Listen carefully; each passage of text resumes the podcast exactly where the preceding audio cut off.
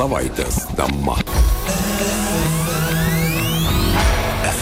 FM99. Studijoje prie mikrofono Liudas Ramanauskas savaitės temoje, bičiuliai, šiandien mes kalbėsime apie tai, jog Seimas vakar dar pasistumėjo į priekį, dekriminalizuojant nedidelio kiekio kanapių turėjimą, per svarstymą už dekriminalizavimą, jeigu neteisingai prisimenu, balsavo 63, prieš buvo 62 susilaikė, na, persvara tikrai nedidelė tema, kuri, ko gero, bus aktuali dar ne vieną dieną, bet šiandien mūsų studijoje mes apie tai ir pabandysime padiskutuoti. Studijoje vieši Jotvingių gimnazijos gimnazijos gimnazistė Marta Marčiulaitytė. Marta, laba diena.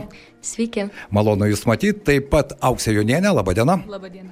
Aivaras Taškevičius, Putinų gimnazijos direktorius pavaduotojas. Aivarai, laba diena. Laba diena.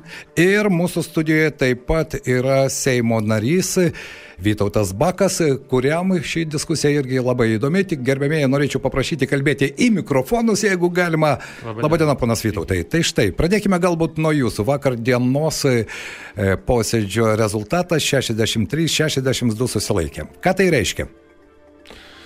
Na, tai reiškia, kad e, narkotikų dekriminalizavimo e, dėja idėja skinasi kelią, kitaip tariant, e, tam, kad būtų panaikinta atsakomybė baudžiamoji už nedidelio kiekio narkotikų turėjimą, skinasi kelią Seime ir Seime yra dėja dauguma, kol kas persvara yra labai nedidelė, tik vieno balso persvara, kuri mano, kad reikėtų atlaisvinti varštus narkotikų prieinamumų, nes dekriminalizavimas, legalizavimas šitokie burtažodžiai, kurie yra sudėtingi, bet viso šito projekto esmė yra, ar narkotikus padaryti prieinamesniais, tai yra labiau paprasčiau pasiekiamais varto žmogui, ypač jaunimui, nes ar vis dėlto laikytis konservatyvios tokios pozicijos ir daryti viską, kad pasiekti juos būtų kuo sunkiau, netgi tas, kuris jų norėtų įsigyti, turėtų uh, pasistengti tai padaryti. Paprastai liberalizavimas narkotikų reiškia didesnį, didesnį narkotikų apyvartą ir didesnį vartojimą. Tai yra, kad daugiau žmonių įsitraukia į iš pradžių lengvų, kaip kanapės narkotikų vartojimą, e, po to yra, kaip žinoma, įsitraukia ir kyla žymiai rimtesnės pasiekmes. Tokia jūsų nuomonė. Kągi, į mūsų pokalbį mes kvietėme ir visuomenės sveikatos biuro direktorė Ingrida Rutkauskinė, kuri pasakė priežasties neaiškinsiu, bet tikrai nedalyvausiu. Taip pat kalbėjome su policijos pareigūnais, kurie dirba su narkotikų platintojais ir su ta problematika, jie sako, galbūt kiek vėliau, kai jau bus Seimo sprendimas. Praeisiais metais Lietuvos visuomenės sveikatos biuras vykdė narkotikų paplitimo tyrimą Lietuvos mokyklose ir teigia, kad buvo aptikta beveik visose miesto gimnazijose ir progymnazijose. Na, visuomenės sveikatos biuro direktorė e, sako, informaciją mes turime, bet ją perdavėme savivaldybei, tai kreipkitės į savivaldybę, jie tikrai jums ją turėtų pateikti. Kas turėtų pateikti, čia jau rebus klausimas. Bet mūsų studijoje yra Aivaras Taškevičius, Putinų gimnazijos direktorius pavaduotojas. Tad Aivarai, ar iš tiesa tas tyrimas paplitimas narkotikų Alitaus mokyklose ir gimnazijose ir teigimas, jog praktiškai visose gimnazijose, progymnazijose narkotikų pėtsakai buvo rasti. Jūs žinote realią situaciją, ko gero savo progymnazijoje. Tiesiog galiu pasakyti, kad, sakykime, kiekvienais metais gimnazijose, mokyklose, švietimo įstaigose rūkančių moksleivių vis daugėja. Tas rūkančių žolę. Rūk, ne, rūkančių aplamai. Rūkančių aplamai. Negaliu teikti, kad tai žolė, bet legalizavus, ta prasme, atlaisvinus narkotikų priklausomą, ta prasme, prieimą prie jauniems asmenims, tiesiog kiekvienas norės pabandyti daugiau ir, ir bus cigaretės iškeistos, aišku, į narkotinės medžiagas, ko dabar, dabar iš tikrųjų negaliu neikti, kad, kad taip nėra, bet, bet tas, tas skaičius ir ta, ta problema tik didės, nes, nes sakykime, sakykime, tai neišspręs problemos jokių būdų. Jūs esate prieš dekriminalizavimą, taip suprantu, ar ne? Kategoriškai, kategoriškai prieš jo. Gerbimo auksė, kokia jūsų nuomonė? Tai laba diena dar kartą visiems. Aš noriu pasakyti, ką aš atstovauju. Tai turbūt visų, kadangi pati esu trijų vaikų mama, tai atstovauju visus tėvus ir jų vaikus, kad jų teisė būtų į saugią aplinką visų pirma. Visų jūs turite omeny, visų aš, kurie su ta susi... taip, problema taip, taip, susiduria. su, tie, kurie su ta problema susiduria, nes tikrai šią problemą esu įsigilinusi, galiu drąsiai teikti iš esmės į prevenciją, į gydimą ir galiu šiai šiai dienai trumpai pasakyti. Jos yra tikrai didelis mūsų mokyklose. Ir prieimus šį statymą, tai e, turbūt pasarkazuosiu, kad reiktų vaikus vežti ne į Akropolius, o į e, priklausomybių centrus. Kad jie išgirstų, kas jų laukia, kad pamatytų realius vaizdus, kas ten yra nes tikrai teko lankytis ir, ir, ir bendrauti ir e, su psichiatrais dirbančiais su tokiais vaikais. Tai šiai dienai žinau vieną situaciją, kuomet norėjo išvežti e, vaiką šią savaitę į priklausomybių centrą, tėvai išgirdo atsakymą, kad iki naujų metų jis nebus priimtas. Tai įsivaizduokite, kokią mes situaciją šiai dienai turime. E, ir tai tikrai paliečia ne vieną socialinį sluoksnį, nuo to ne, nepriklauso, kokiam jis priklauso tas vaikas, tai iš tikrųjų ten gydosi ir teisėjų, ir tų pačių politikų vaikai, e, nes tokie jie būna įtraukti tose mokyklose. Ir jeigu šiandien, e, kalbant su policijos pareigūnais, jie teigia, kad gimnazijų teritorijose atsakingi patys gimnazijų vadovai, O su gimnazijų vadovais kalbant, jie teigia, kad atsakingi tėvai ir policijos pareigūnai. Tai vat, tiesiog toks retorinis klausimas, ką tuomet mums daryti tėvams, išeiti iš darbo ir stovėti e, gimnazijų teritorijose ir žiūrėti, kad mūsų vaikam, vat, tie, kur dabar mes čia norim dekriminalizuoti ir jie nešiosis ne va savo reikmėm ar ne, niekas mums neatsako į klausimą, iš kur jie gaus, kokiu legaliu ar nelegaliu būdu gaus. Jie... O iš kur jie gauna dabar? Tai vad nieks neatsako. Iš tikrųjų, tai šį klausimą generalinėje prokuratūra užduoda ne vienoje laidoje, mes girdim ir atsakymo mes negaunam. Ir plus dar noriu visiems klausytojams pasakyti, kad yra labai stiprus klaidinimas visų žmonių e, ir ypač jaunimo kad ir šiai dienai e, už vartojimą, jeigu e, jaunas žmogus bus suklaidintas ir jisai parūkys tą cigaretę, nieks jo, jam neuždės antrankių ir jo nepasodins į kalėjimą. O iš tikrųjų baudžiamoji atsakomybė yra už turėjimą ir platinimą. Tai čia reikia atskirti šitus du labai svarbius dalykus. Ir dar tada noriu akcentuoti tokį dalyką, kad kanapės pabandęs e, žmogus praktiškai e, didelis procentas, kad jis įniks į daug sudėtingesnius vėliau narkotikus. Ir kaip specialistai teigia, jeigu tu kanapės rūkysi pusę metų ir ilgiau, tai praktiškai nu, gydimas bus labai sudėtingas ir ilgas. Tai aš nežinau apie ką šiandien. Jūsų kalbam. nuomonė taip pat prieš dekriminalizavimą mes turime Martą Marčiulaitytę, gimnazistę, Jotvingių gimnazijos atstovę. Labai labai nepavydžiu Marta, dabar trys lydus tėtos ir dėdės ir jūs viena, bet e, jūsų nuomonę mes irgi norime išgirsti. Kokia jūsų nuomonė? Uh, taip, tai aš iš tikrųjų galbūt uh, truputėlį kitaip pasisakysiu, uh, pritariu kitiems pašnekovams dėl būtent narkotinių medžiagų um, žalos tikrai žmonėms, nes aš manau, kad daug narkotinių medžiagų tikrai jos tiek kelia priklausomybę, tiek uh, tikrai nesu už jų vartojimą. Bet būtent kalbant apie dekriminalizacijos projektą, iš tikrųjų jį palaikau, kadangi um, būtent su baudžiamąją atsakomybę aš asmeniškai nemanau, kad jauni žmonės uh, turėtų Uh, ne tik jauni, šiaip visi žmonės, ne, nemanau, kad turėtų už narkotinių medžiagų uh, turėjimą ar platinimą būti būtent uh, uždaryti kalėjimuose, bet manau, kad jiems turėtų būti skiriama labiau reabilitacija, kad jie iš tikrųjų pasikeistų ir, ir, ir na, suprastų tą narkotikų žalą. Nebūtent taip, kad manau, kad pavyzdžiui viena iš, vienas iš pavyzdžių tai būtų, kad ir Portugalija. Portugalijoje irgi buvo dekriminalizuoti mažo kiekio narkotikai.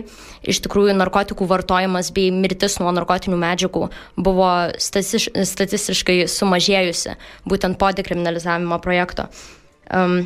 Manau, kad e, vis tiek galima daug žmonių, kurie, pavyzdžiui, e, sėdės kalėjimuose, e, paskui išeis, pavyzdžiui, tas jaunas žmogus po kalėjimo, po to momento, kai jis turėjo jau tų narkotinių medžiagų. Aš nemanau, kad daugelis pajus uh, iš tikrųjų, uh, kad a, aš ten sėdėjau ir aš suprantu, kad uh, dariau blogai, nes narkotikai žaloja. Aš manau, kad ką jisai supras, tai tiesiog, kad aš taip, aš vartoju narkotikus arba juos platinau, bet kalime ir daugiau galbūt to nedarysiu, bet ne dėl to, nes manau, kad tai yra blogai mano organizmai ar kitų organizmai, o, o būtent dėl to, nes aš tiesiog bijau policijos.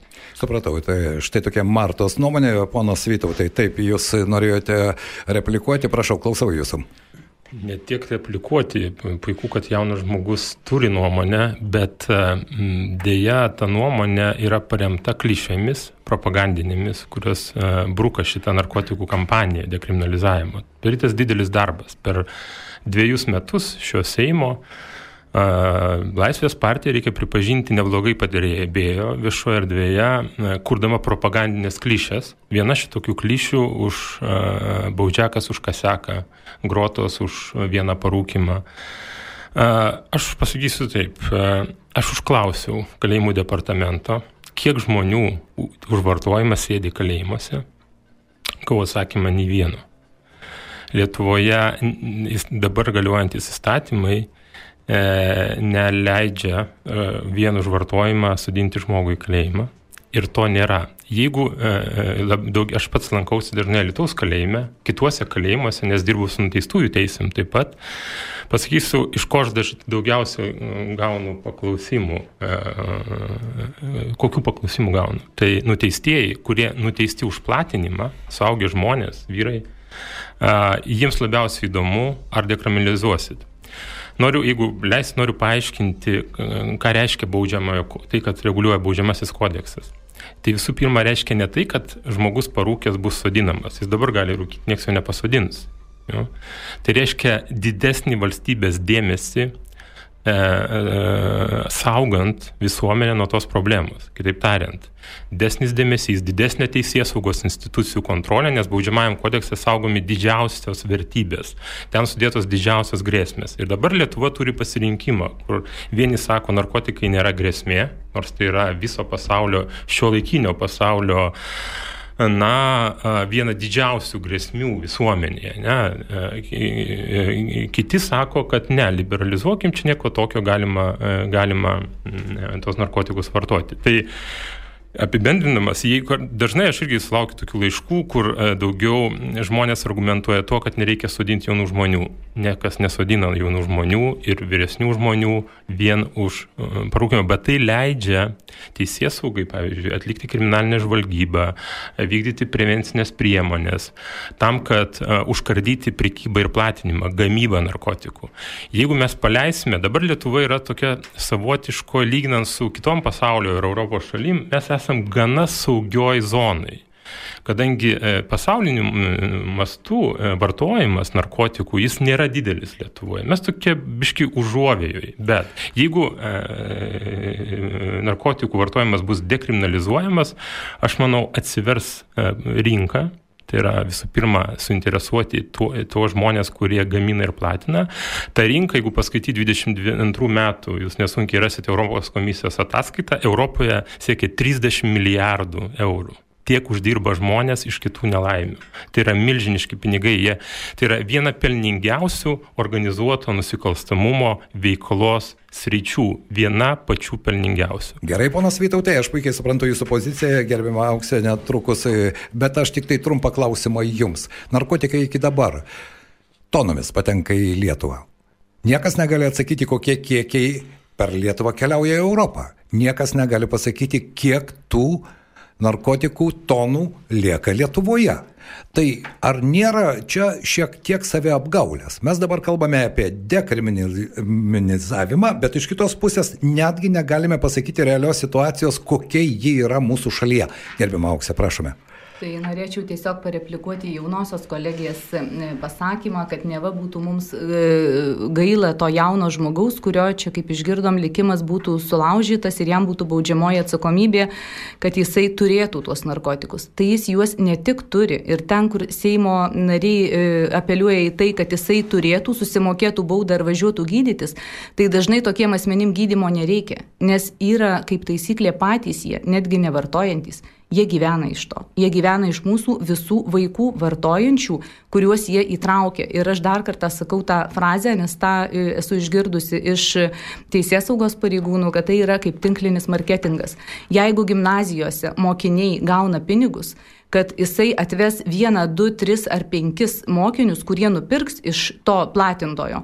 Tai apie ką mes kalbam, jiem tikrai. Paklauskime Martos. Marta, ar jūs žinote tokių faktų, kad, tai, pavyzdžiui, jūsų Jotvingių gimnazijoje ar kitoje šalia esančioje gimnazijoje yra platintojai ir jie štai tokiu būdu, kaip ponia Auksė sako, už e, savo klientų atvedimą taip pat jiems atsidėkojama?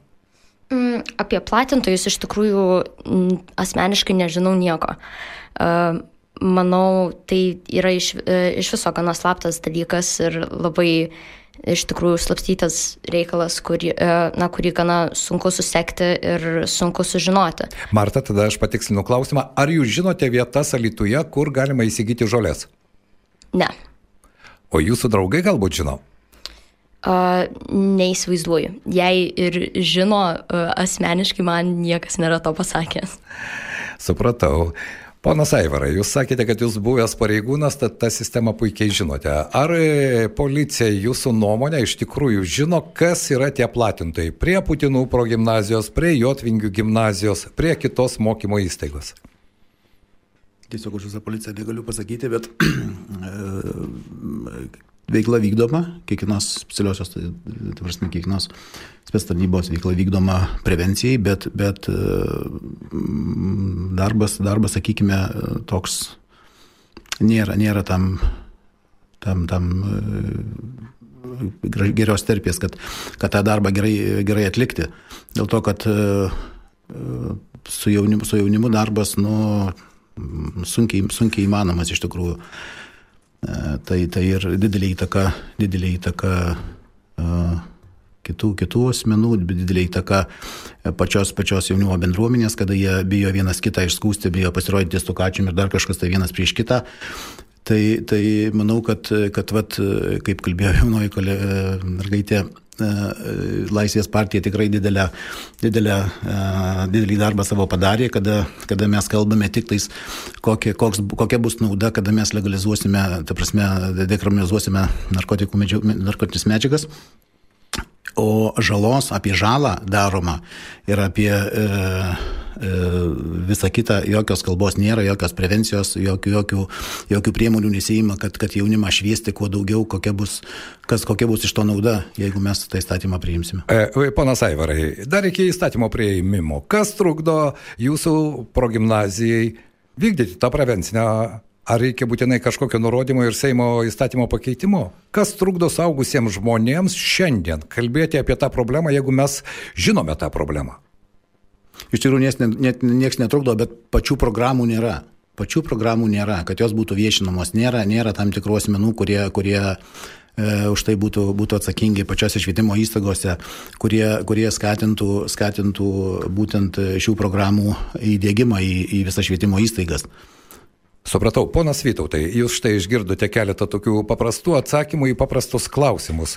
Tai ar netrodo jums, aš nesakau savo nuomonės už ar prieš, aš tik noriu įsiaiškinti realią situaciją. Man kartais atrodo, kad Seimo salėse diskutuojama netgi, objektyviai sakant, nežinant realios situacijos, netgi šiuo konkrečiu klausimu. Mokyklose prevencijos nėra, policija negali pasakyti, kokie kiekiai keliauja per Lietuvą ir lieka Lietuvoje. Štai niekas negali pasakyti, kur Alytuje yra platinimo taškai, paklausi bet ko, bolto vairuotojo, jis jums iš karto pasakys, kad jokių problemų, visi mes viską žinome. Tai kame čia problema, kodėl tie galai nesueina? Problema yra labai paprasta. E, dabartinė dauguma, kuri turi parlamentinę balsų daugumą, tai yra dešiniosios jėgos, jie orientuoti dviejų metų darbas jų e, priklausomybės lygų srityje, orientuoti į vartojimo skatinimą nes šalia šitos kampanijos dekriminalizavimo lydi ir tas, nu, kad yra fan.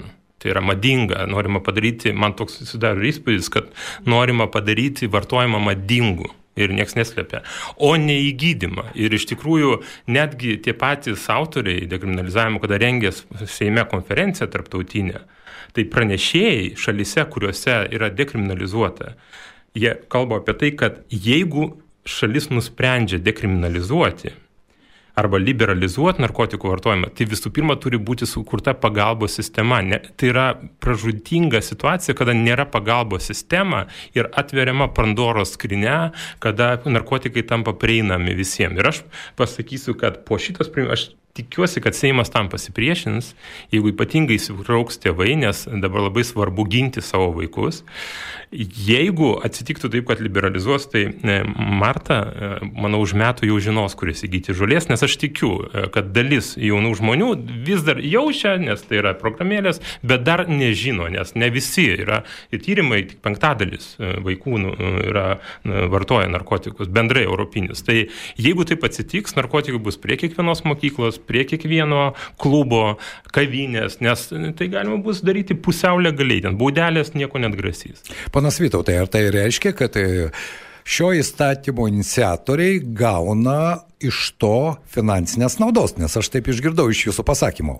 Nes e, be jokios abejonės, 40 milijardų Europoje tai pinigai milžiniški, Ar 30. yra kiti, 30 atsiprašau, jo. na tiek, kiek yra oficialiai žinoma. Taip, taip. Tai tokia yra rinka. Jo.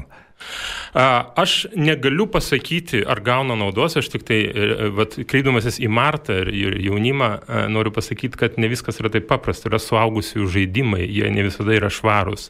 Ir ypač e, žiūrint, kaip vakar buvo stumamas šitas įstatymas ir vakar ir prieš tos du metus, tai jį lydėjo ne diskusijos skaidrios kažkokios, kaip mes galėtume pasiruošti, kaip galėtume padėti žmonėms, bet e, lydi ciniškos propagandinės kampanijos, kurios ten teisėjai rodo kažkokius vaistus ir gazdina žmonės, kad už tos vaistus, jeigu spintelę laikai, tave pasodins į kalėjimą, jo dalinasi. E, gazdinami žmonės, kad bus sodinami į kalėjimus, yra dabar sodinami į kalėjimus, nors to nėra.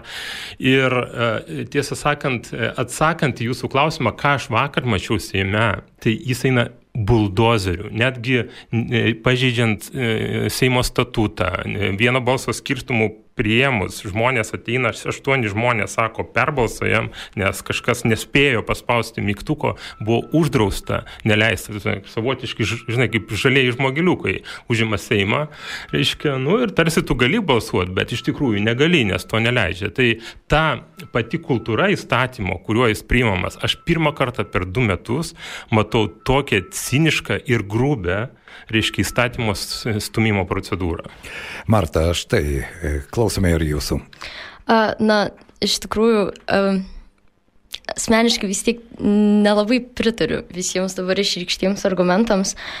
Būtent tas pasakymas, kad tai kažkaip ir ta pati Laisvės partijos veikla, kad kažkaip propaguoja narkotikų vartojimą kaip madingą dalyką. Tiek tarp bent su, visu, su visais jaunais žmonėm, e, kurie, kuriems kalbėjau, su daugeliu kitų žmonių, niekas nemano, kad tai yra, e, kad bandoma tai parodyti kaip kažką madingo, ar e, kaip kažką tokio, ką reikia daryti. Net ir pati Laisvės partijos, tiek ir ne vien Laisvės partijos, tiek ir daugelio kitų jaunimo organizacijų žinutė nėra ta pasikartosiu, kad reikia tai legalizuoti, ar kad dabar vi, mes turim visiškai tai atidaryti ir visi turi pirkti narkotikus, juos naudoti, nes tai fan, tai cool. Na, taip nėra. Manau, kad uh, pati dekriminalizacijos uh, pagrindinė mintis yra būtent ta, kad, na, tu uh, reikia, reikia tai stabdyti, bet reikia tai stabdyti geresniais būdais. Kaip ir pasakojau, yra daug šalių, kurios jau yra pri, uh, legalizavę dekriminalizavimo projektą, kuris iš tikrųjų jis veikia ir uh, žmonių uh, narkotinių medžiagų vartojimo skaičiai, jie sumažėjo. Uh, tai manau, kad tai tikrai nėra blogas projektas. Uh, blogas įstatymas. Manau, kad tikrai žmonių vartojančių narkotikus sumažės, jei jiems bus skiriama e, tam tikra pagalba, o ne tiesiog mm, bauda. Na štai, jauni žmonės irgi turi savo nuomonę, prašau, Aivarai. Norėčiau, norėčiau kategoriškai prieštarauti dėl to, kad, bet, kaip Seimo narys sakė, atverus Pandoros skrynę, mes neturime jokio plano, jokio plano, ką mes veiksime toliau. Iš tikrųjų, e, šiai dienai mes kūrėme uh, visokius planus, ir priešgaisrinius planus, ir, ir ekstremalių situacijų planus, tom situacijom, kurios iš tikrųjų nėra tokios svarbios kaip šiai dienai e, narkotikų dekriminalizavimo problema Lietuvoje. Ir jeigu mes darysime viską taip staiga be plano, ką mes toliau veiksime, Nes e, vartojimas tikrai padaugės, nes nu, nu, taip nebus, kad, kad legalizuosime ir, ir, ir e, nebus norinčių pabandyti daug daugiau naujų narių. Ponas Aivarai, aš tada trumpai, kad mūsų diskusija būtų tokia iš tikrųjų diskusija. Ar teko Amsterdame būti? Ne. Neteko. Man teko porą kartų būti Amsterdame, ten ko kofešopuose tu gali nusipirkti žolės. Bet aš ten nesutikau nei vieno Dano, nei vieno Olando. Aš ten sutikau turistus, kurie atvykę iš viso pasaulio. Amsterdamas e, tam ruošiasi. e, labai daug metų. Amsterdamas, e, aš buvau Amsterdame, buvau sutikęs su ir policijos vadovais, mums teko bendrauti. Amsterdamo logika ar filosofija, kodėl jie tą sprendimą leido, jis sako, mes legalizavom turistam, nesaviem. Tai jie tokiu būdu daro, reiškia, kaip liberalų miestą, legalizuota prostitucija, legalizuoti narkotikai, bet tam tai daroma tam, kad pritraukti turistus. Tai vienas iš, iš jo. Ir ir. Jo, į prevenciją sukurta pagalbos sistema, labai, e, ta prasme, aišku, yra tas narkotikų vartojimo problema, e, bet e, tikslas yra šiek tiek tikslai kiti ir tam daryta labai daug namų darbų. Tai štai, Dabar, apie, žmogus... apie namų darbus ir verta, ponas Vytautai ir ponia Auksė, pakalbėti. Kas trukdė? Mes jau 30 metų, niekas nėra čia naivus ir neįsivaizdavo, kad narkotikų Lietuvoje nebuvo ir staiga prasidėjus laisvės vėjui atsirado narkotikai. Jie jie buvo visais laikais. Po 90-ųjų metų jų srautai padidėjo, nes atsirado geras biznis ir tie patys alitiškiai, kauniečiai, vilniečiai, klaipėdiečiai, šiauliečiai iki dabar to verčiasi ir uždirba labai gerus pinigus. Kas valstybei trukdo? Valstybei, savivaldybei, mokyklai, gimnazijai tą problemą pradėti judinti. Ar būtinai kiekvienu atveju reikia įstatymo po įstatyminio akto biudžeto eilutės ir taip toliau? Nes žinau iniciatyvių žmonių, kurie patys perėję pragaro ratus, vienas, du, jie pradeda daryti darbą ir gelbsti žmonių gyvybės. Kas trukdo pačiai valstybei iš tikrųjų pradėti nuo to pagrindo? Kaip jums atrodo? Tai e, jūs teisus, kad Lietuvoje pro Lietuvą praeina daug narkotikų, bet e, aš nenorėčiau sutikti, kad e, teisės sauga nežino ir valstybė nežino. Yra žinoma, kokie kiekiai, tik reikia suprasti vieną dalyką. Lietuva yra tranzito šalis. Tausme, didžioji narkotikų dalis keliauja tranzitu per Lietuvą ir nusėda kitose šalyse. Tai e, e, pačioj valstybėje e, palyginus jų lieka nedaug, bet jeigu e, veikla bus dekriminalizuota, kitaip tariant, atlaisvinti varštai ir kartu uždėti savotiški antrankiai policijai, teisėsaugai, jų gali likti žymiai daugiau ir aš drįstu prognozuoti, kad kartais Ta prasme, kartais, nes kaip minėjau, Lietuva nėra ten kažkur dabar viršūniai pagal narkotikų prieinamumą ir vartojimą. Jo? Dabar dėl to, kas trukdė e, padėti. Apskritai, socialinė politika Lietuvoje nu, nebuvo mm, pirmailėje arba pirmose vietose. Pagalba žmogui tikrai niekas ją, ją labai stipriai nesirgo, ypač tiem, kurie yra problemas kestančių gelbėjimas, pačių kestančių reikalas. Bet dabar, kada mes pamatėme, ko gero visuomenė pamatė, susidūrusi su tą narkotikų liberalizavimo vėjų, kad nu, tu sėdi kaip tėvas, aš irgi trijų vaikų tėvas ir aš galvoju, galvoju, nu, kad po šitų sprendimų man bus baisu paleisti vaiką kažkur vėliau vakare, ar tai klubą, ar kavinę, nes e, prisiminkite laikus mūsų laikais 90-aisiais, kai rūkimas, ten Malboro, ten kaž, cigaretės, filmai buvo rodomi, kad tas, kas rūko, tai yra kažkoks kietas, toks formuojamas kultas kieto žmogaus, kuris rūko, ne? Ir tada, kai pradėjo Mm, tūkstančiai mirti nuo vėžio, mes supratome, kad kažkur reikia stabdyti ir dabar visa Europa susijama. Narkotikų problema mums yra pakankamai nauja. E, deja, to kritinio supratimo ir kritinio mąstymo, tiesą sakant, nėra daug politikai per daug laisvai, pavyzdžiui, mainais į kažkokius postus, susitarimus, balsus, atiduoda, pavyzdžiui, vakar e, e, konservatorių tas krikščioniškasis vadinamas flangas, nu, kartu socialdemokratai atidavė savo balsus už narkotikų liberalizavimą arba nedalyvavo balsavimuose. Ne? Tai e, tokie įvykiai mus sukrečia ir verčia telktis. Ir aš tikiuosi ir po šitos laidos Alituje, aš tai ką girdžiu, nu tikrai ateina laikas sėsti su tėvais, su mokyklų direktoriais, su policija, su prokuratūra ir pakalbėti, nu, ar mes čia paliekam viską savygai, nu, kaip kas nori, tai tas tegu tvarkosi, ar biški susėdam ir pagalvojam, kaip tuos vaikus apsaugoti. Nesvaru ir vaikus, ir šeimas, nepaisant to, bus liberalizuota ar ne, vis tiek problema yra. Taip. Tai, tai reikia sėstis ir... Aš tai apie tą momentą aš ir norėčiau pakalbėti. Gerbimo auksė, jūs irgi norėjote replikuoti, prašome. Norėčiau pirmiausia apie Amsterdamą jūsų paminėtą, tai e, pareplikuoti dėl pačios tos kanapės kaip kanapės narkotinės medžiagos. Tai Lietuva toli gražu nepasiekė Amsterdamo kanapėje pas mus yra e, purkšta sintetinė kanapė, kuri, liaudiškai pasakysiu, sumaišo protą ir tikrai labai stipriai. Tai vienas niuansas. Kitas, ką e, priklausomybių centruose išgirdau, kad į šias priemaišas įeina 400 įvairių cheminių medžiagų, kurios paveikia smegenis ir apskritai visą kūną. Tai nepataisoma žala. Tai mes pirmiausia apie tai kalbėkime, nes tikrai čia gerbiamas Vytautas Berot sakė, kad mums toks kaip FOFA fun ar ne, pateikiamas kanapės parūkysiu, truputėlį galbūt atsipalaiduosiu, pamiršiu problemas, ten tėvai barė, mylimas paliko, dar kažkas panašaus. Bet į ją taip tu jausi paskui priklausomybę, kad toli gražu tos vienos kanapės neužteks ir tu diena iš dienos jau norėsi jos. Be jokios abejonės, priklausomybės klausimas, kodėl aš taip tai kalbu atvirai. Aš iš 7-80 mečio turėjau ne vieną draugą, kurio nebėra čia. Ir kurie tais laikais įnyko. Tie, kurie įnyko, jie dirbo Alitaus pataisos namuose ir sugebėjo per metus laiko nusipirkti keturis būtus, o po to patys nuo narkotikų mirė. Ir tokiu atveju yra ir visi juos žino. Marta, prašau, jūs irgi norėjote replikuoti trum, trumpai, prašau. Uh, taip, taip, būtent aš tik labai trumpai, manau, daug kas labai maišo uh, dvi savokas - legalizavimas ir dekriminalizavimas.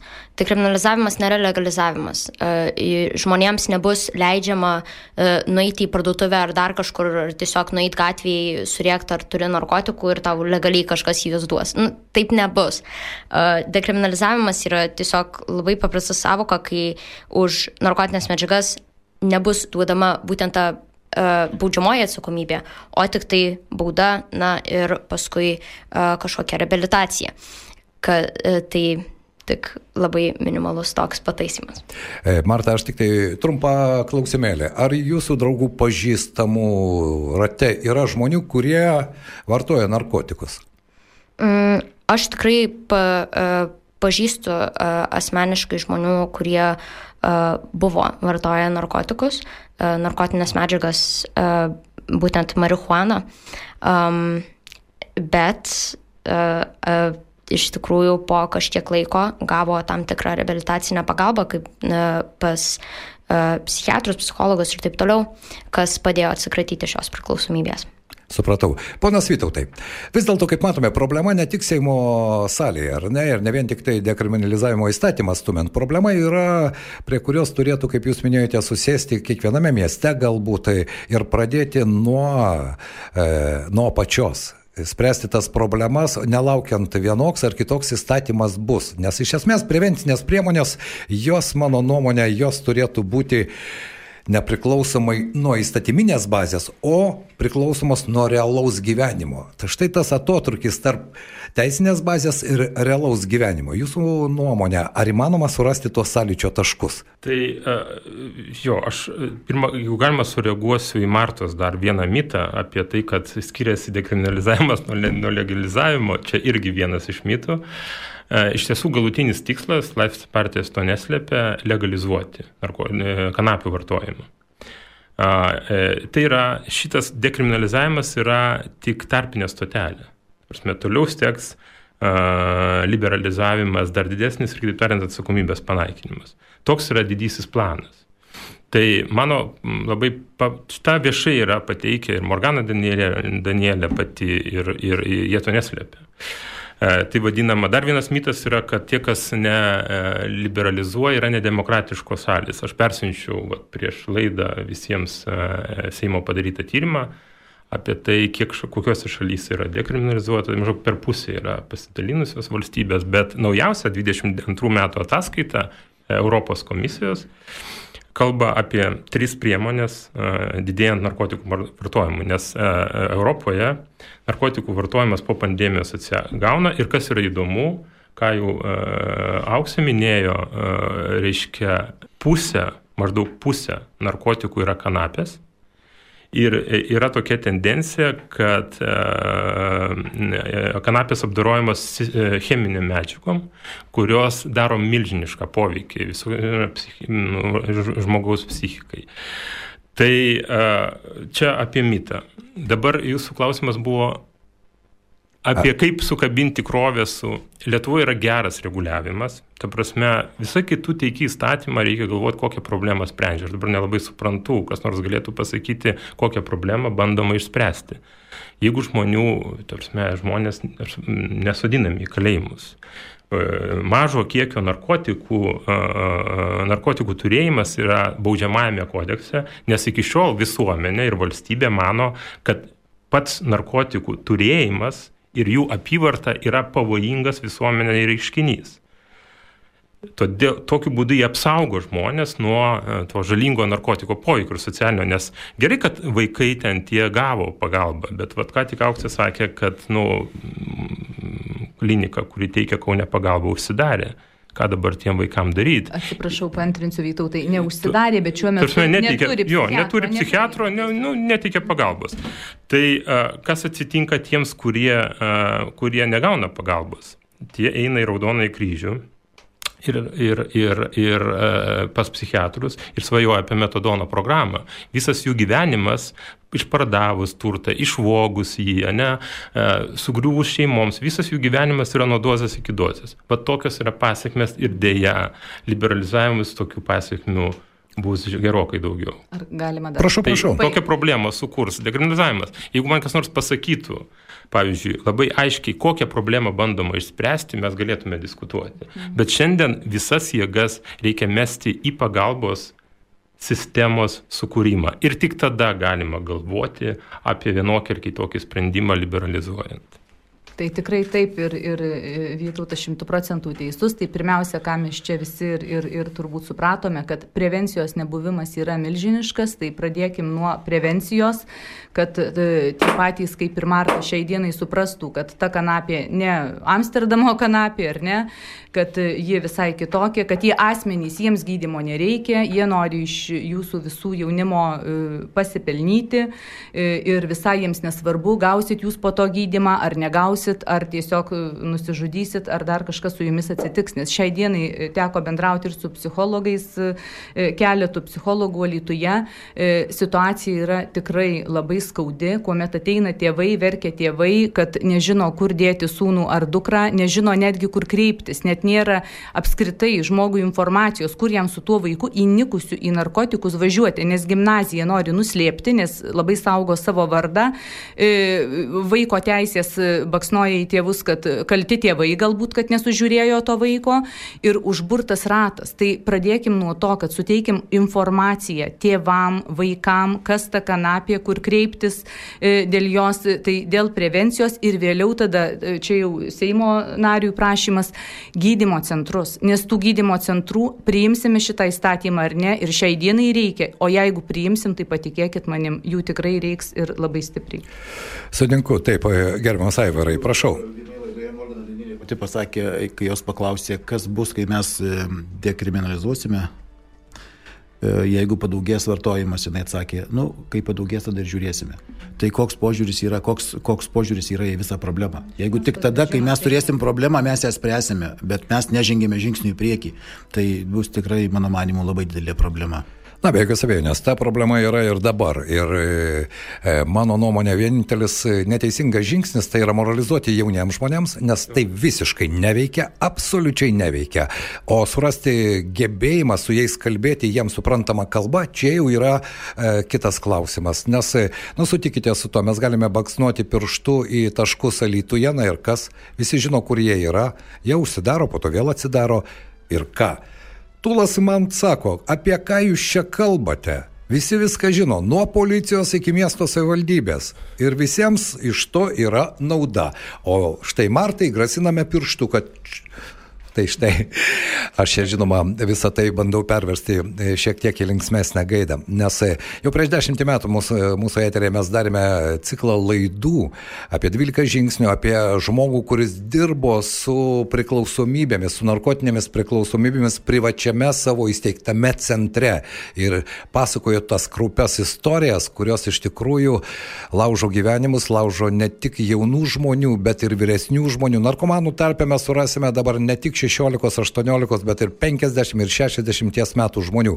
Amžius čia nėra e, ta riba. Ir kai dabar mes kalbame apie tai, kad jauni žmonės, jauni žmonės, jauni žmonės, atleiskite ponai, Kokainą vartoja pasiturintis turintis puikias pajamas žmonės ir jiems ne po 16 metų, jiems po 40, po 50 metų. Tai aš galvoju, panas Vytautai, kad tai yra plati problema, ji iš tikrųjų yra problema ir kaip pamatyti tą visą problemą, sukurti tą realų pagrindą, pagalbos pagrindą, sukurti rehabilitacinių klinikų centrus, kurie yra iš tikrųjų reikalingi. Kaip Jums atrodo, ar tai yra realu, ne vien tik tai ginčiantis Seimo salėje? Visiškai yra realu, tam reikia labai daug pastangų, jeigu tiek būtų įdėta pastangų kaip į dekriminalizavimą, aš manau, mes šiandien būtume viena sėkmingiausių šalių Europoje, padedant žmonėms įveikti tą problemą. Tiek vyresnio amžiaus visiškai sutinku, tiek e, jauniems žmonėms, bet čia reikia tik pasakyti, kad vis dėlto narkotikų bosų, tai žmonių, kurie verčiasi, taikinys yra jaunas žmogus, to prasme, jį pasodinti, pratinti ir tokiu būdu turėti, turėti labai gerą gyvenimą iš to. Tai ta, ta, nu, nu, tas čia yra pagrindinis tar, tas vadinamas targetas, ne, tikslinė auditorija. O tam, kad sukurti pagalbos sistemą, nu, aš tik priminsiu, kad mes ją kūrė nu, tie patys žmonės, nu, mūsų karta. Mes su jumis turėjome prieš mėnesį, man atrodo, pokalbį su neįgaliaisiais, atrodė visiškai pesimistinės nuotaikos. Šiandien E, situacija Seime susitelkus visiems, nevyriausybinėm organizacijom, politikam, nu, po truputėlį einame į pagalbos sistemos kūrimą. Aš manau, ir čia, va, tai, kad šiandien mane nustebino, neatėjo policijos vadovai, sveikatos centro vadovai, e, teisėjai, prokurorai klausimas, kodėl, ar čia yra baime, E, totaliai, nes iš tiesų aš mačiau pareigūnas, kuris šiandien galėtų pasakyti kitokią nuomonę, jis būtų tiesiog nušluotas. Greičiausiai susidurtų su problemomis einant pareigas, nes tokie metodai yra pasitelkiami. Žmonės iš tiesų bijo, bet iš kitos pusės, jeigu tau suteikta gale, postas, tai tu turi ateiti ir kalbėti su visuomenė, ieškoti sprendimų. Tai aš manau, kad aš atskirai aplankysiu tiek policijos vadovą, tikiuosi dar man pavyks tą padaryti iki naujųjų metų, tiek sveikatos centrą. Mes pasikalbėsim apie tai, kad e, jeigu tikrai bus tėvų, mokinių parama, mūsų užduotis padaryti iš esmės plačiaja prasme, kad e, Alitaus mokyklos būtų saugios, kad vaikai būtų saugus, gyventų saugioje aplinkoje. Tai čia matyti yra bendras tikslas. Taip, e, tai, tai, tai šioje vietoje taip reikės įdėti tam tikrų pastangų. Sprendžiant iš to, ką taip. jūs sakot, kad žmonės net gyvengia ateiti ir nu, bent jau pasidalinti, tegu mes nekalbėkim ten koks policijos vadovas ar ten sveikatos centro valdininkas apie už ar prieš dekriminalizavimą. Palikim tą, bet yra objektyvi problema, ta prasme, narkotikų prieinamumas mokyklose ir ką mes su tuo darome. Tai mes ką darome? Reikėtų... Mes paleidžiame leidžiame labai skambę frazę, kad štai visose mokyklose aptikta narkotinių medžiagų ir tuo viskas baigėsi. Bet kas seka po to, dėja, apie tai niekas nenori kalbėti, nes frazė jau paleista. Tai aš noriu, e, Marta, taip. Paskutinė jūsų replika, prašau. Na tai aš manau, uh, tai uh, niekas, ma, manau, čia išsėdinčių žmonių nėra pri, nėra prieš uh, kažkokias prevencinės programas už jas esu ir aš. Aš tikrai manau, kad prevencinės programos turėtų būti uh, įdėgiamos mokyklose ir uh, kito, kitose centruose, vien tik dėl to, nes na, tai tikrai galėtų smarkiai sumažinti narkotinių medžiagų naudojimą. Uh, kam tiesiog aš uh, nelabai pritariu, tai būtent tam, tai visai idėjai, kad uh, dekriminalizuojant narkotikus jų vartos daugiau arba tai pasidarys didesnė problema, kad tai kaip ir legalizavimas. pasikartosiu, tai nėra tie patys dalykai, kad ir sakėte, kad uh, uh, na, jei mes dabar dekriminalizuojam, paskui Laisvės partijos yra pagrindinė idėja legalizuoti ir ten paskui taip ir seks tas planas. Ką žinom, galbūt, galbūt tas planas toks ir seks, bet dabar mes nekalbam apie legalizavimą, kalba yra apie dekriminalizavimą. Jei mes dabar čia sėdėsim ir kalbėtumėm apie kažkokį ateinantį legalizavimo projektą, uh, manau, daugelio ir jaunų žmonių ir kitų nuomonė būtų galbūt truputėlį kitokia. Supratau, viskas aišku, aš suprantu, kad dabar mūsų svečiai norėtų replikuoti Martai, bet tai jį turi savo nuomonę, mūsų diskusijoje ta nuomonė išliko ir tai yra labai svarbu. Ir tai tik tai geras įrodymas, kad su jaunais žmonėmis reikia ieškoti kalbos formos ir sąlyčio taškų. Sutikite su tuo, kad kitaip nieko nebus, nes... E, nepaisant jaunų žmonių nuomonė, yra visai kartų konfliktas. Taip. Vis dėlto dėlto mes esame tėvai atsakingi už savo tėvų a, saugumą, ateitį ir jų gerovę. Ir kartais tos nuomonės nesutampa ir tai yra normalu, kai yra kritiškas jaunas žmogus, Taip. bet dėja sprendimus priema tėvai. Ir Bet kalbėti reikia su vaikais.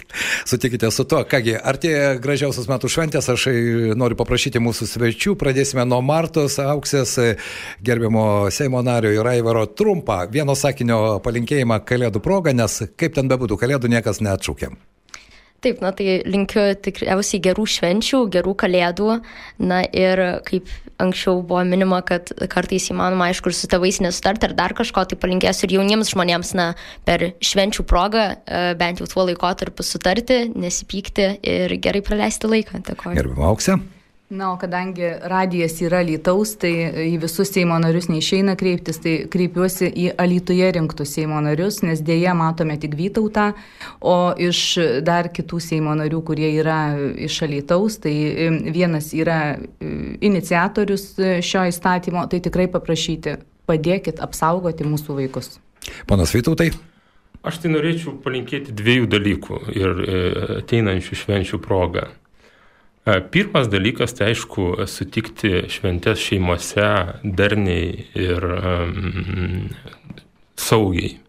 Bet e, kitas dalykas, kiti metai yra labai svarbus um, rinkimų metai. Ir čia aš noriu pas, palinkėti pasirinkti tokią miesto valdžią, kuri nebijotų ateiti į studiją, kuri nebijotų susėsti, sutelkti bendruomenę ir kuri nebijotų daryti, kad ir nepopuliarus sprendimus, kad apsaugotų savo miestą, savo šeimas ir savo vaikus. Tai nu, šiandien nuo visų litiškių tai priklauso, kokį jie sprendimą padarys. Kitiemet aš linkiu brandaus sprendimo ir tikrai linkiu šitam miestui saugumo ir klėstėjimo.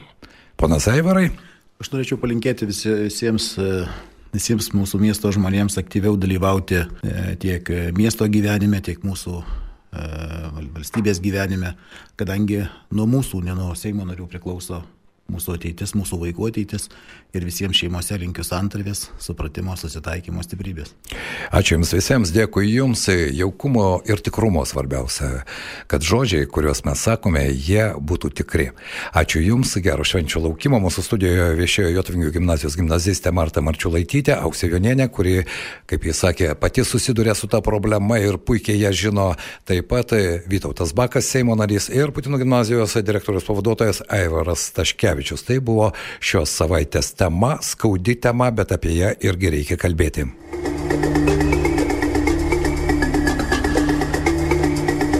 Radio stotis FM99. Šios savaitės tema.